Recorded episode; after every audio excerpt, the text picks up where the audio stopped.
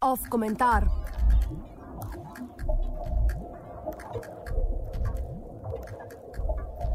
Balkanizacija vse do vašega praga.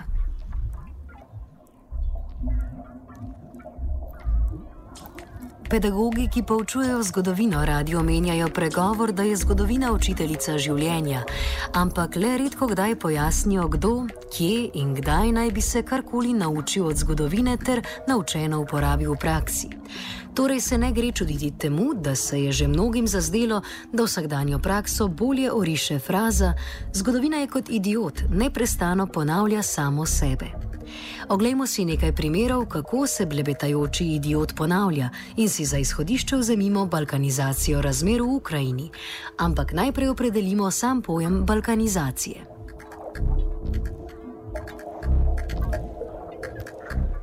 Balkanizacija v ožjem pomenu je geopolitični termin, ki opisuje proces razpadanja večnarodnostnih držav in nastajanje novih nacionalnih državic, ki so pogosto medsebojno sovražno nastrojene in v konfliktu.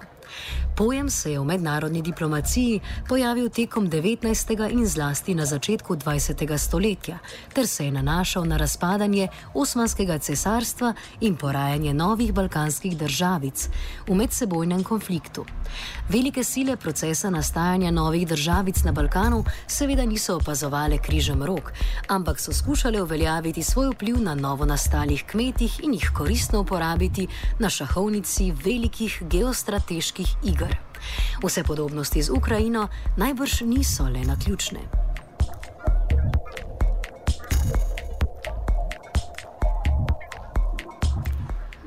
Ukrajinsko dogajanje v zadnjih mesecih je šolski primer balkanizacije. Poskus Zahoda, da bi uveljavil svoj vpliv v Ukrajini, je naletel na odločen odgovor Ruske federacije, ki se ne namerava odreči vplivu v svoji neposredni soseščini.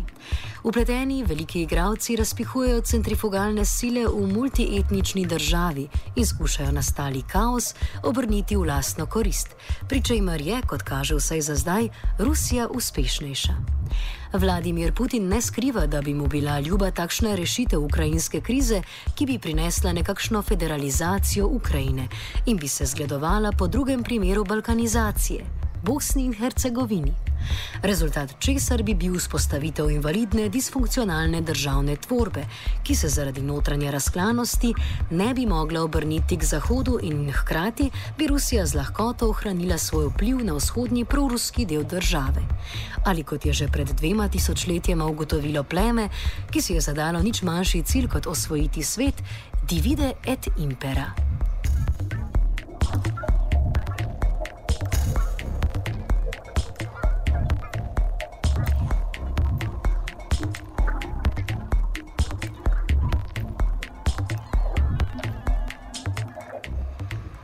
Putin se je med aneksijo Krima skliceval na precedenčni primer Kosova, kar je na Zahodu naletelo na negodovanje in zanikanje.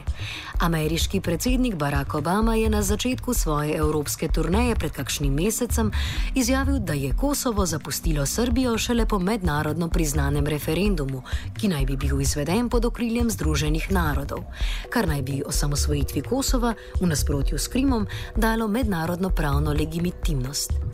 Obamaovi argumenti bi lahko celo rekli da in bi jim lahko pritrdili, če ne bi bilo te nadležne malenkosti, da se je ameriški predsednik gladko zlagal. Takšnega referenduma pred osamosvojitvijo Kosova ni nikoli bilo.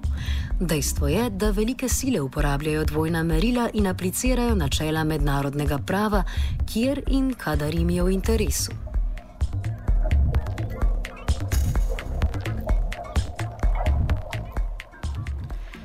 Žrtev dvojnih meril, ki jih uporabljajo velike sile, je mednarodno pravo in zlasti načelo o nedotakljivosti evropskih meja, kot ga določa Helsinška listina o varnosti in sodelovanju v Evropi.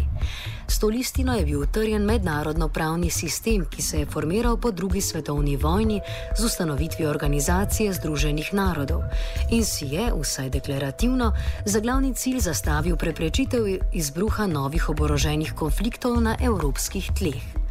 Omenjeno načelo o nedotakljivosti evropskih meja je dokaj uspešno prestalo test razpada socialističnih federacij na začetku 90-ih let prejšnjega stoletja, torej Sovjetske zveze, Češko-Slovaške in Jugoslavije, kar je v mednarodni skupnosti veljal konsens glede tega, da dotične države razpadajo po šivih federalnih enot. Prva demontaža načela o nedotakljivosti meja je bila zagrešena z enostransko odcepitvijo Kosova od Srbije o podpori ZDA, kar je kljub takratnemu zaklinjanju Zahoda, da gre za enkratni primer, postavilo precedens. Rusija je hitro prisvojila to lekcijo in v primeru Krima gospodarsko oslabljeni ter razdeljeni Evropski uniji postregla zdravilom, ki ga je sama pomagala pripraviti.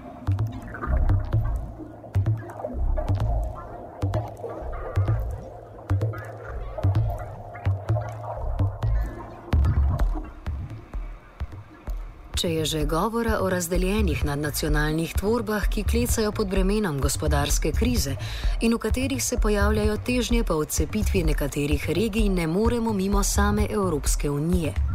Na stari celini smo v zadnjih letih priče celemu nizu osamosvojitvenih teženj nekaterih regij. Baski in katalonci že dlje časa izražajo nezadovoljstvo Španijo. Škoti se pripravljajo na referendum o samostojnosti od Združenega kraljestva. Med Flamci v Belgiji tli. Centralnega nadzora Rima pa bi se rado odkrižalo več italijanskih pokrajin. Poleg tega velja poudariti tudi vedno globlji razkol med razvitim severom in nerazvitim jugom, tako na ravni Unije kot na ravni posameznih držav članic.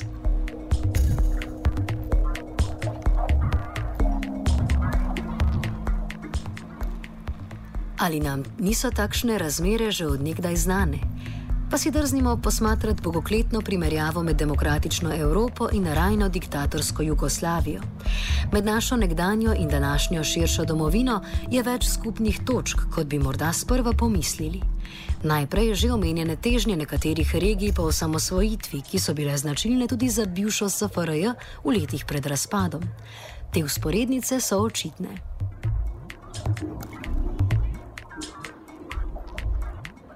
Na nje pa lahko naletimo tudi v političnem diskurzu med vodstvom Unije in nekdanje Jugoslavije.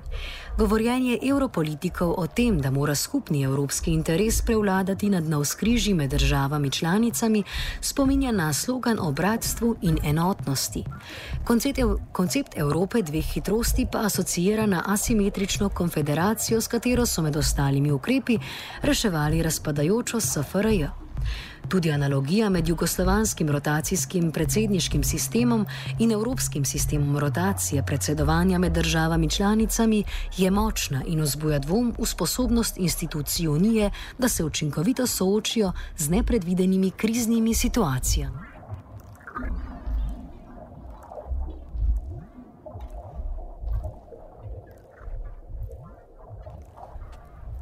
Oglejmo si še razkol med razvitim severom in zaostalim jugom.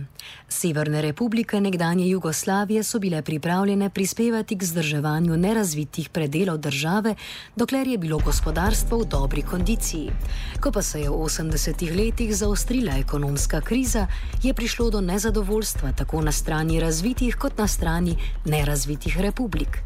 Podobne razmere lahko danes opazujemo v Evropski uniji, kjer finančna kriza močno bremeni zlasti južno periferijo, ki je primorana, da z lastno fiskalno vzdržnostjo de facto odplačuje izgube zasebnih ali državnih bank, ki so svojimi špekulacijami povzročile krizo in račun brez sramu izstavile davkoplačevalcem. Prav tako je naraščajoče nezadovoljstvo v odnosu med severom in jugom zaznati v posameznih državah članicah, kot so Italija, Belgija, Španija, Škotska v odnosu do Londona in ravno to nezadovoljstvo je katalizator odcepitvenih teženj v dotičnih državah.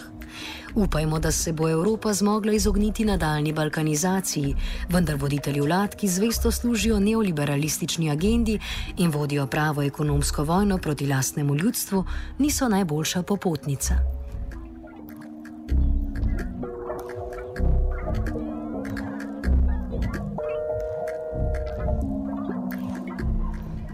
Včasih se pojem balkanizacije uporablja ne le za opisovanje razpada držav in regij, ampak tudi za razgradnjo socialnih struktur. Tako bi lahko pogojno rekli, da je neoliberalistična politika brezobzirnega varčevanja in rezana socialnih transferjev politika balkanizacije družbe. Kjerkoli so bili uvedeni ukrepi stroge finančne discipline, rezov v javno potrošnjo in krčenja javnega sektorja, je posledično prišlo do razgradnje družbene strukture in porasti medsebojnega nezaupanja med skupinami, ki so še nedavno mirno sobivale ena poleg druge. Naši voditelji so ponovno gluhi za blebetanje ponavljajočega se idiota zgodovine, ki zna povedati, da je svet že večkrat doživel gospodarsko krizo primerljivih razsežnosti. Na zadnje med veliko depresijo v 30 letih prejšnjega stoletja, ko se okrevanje svetovnega gospodarstva ni doseglo z uporabo strogih vrčevalnih ukrepov, ampak s programom obsežnih javnih del, ki ga zgodovina pomni pod imenom Druga svetovna vojna. Komentiral je Dejan Jankovič.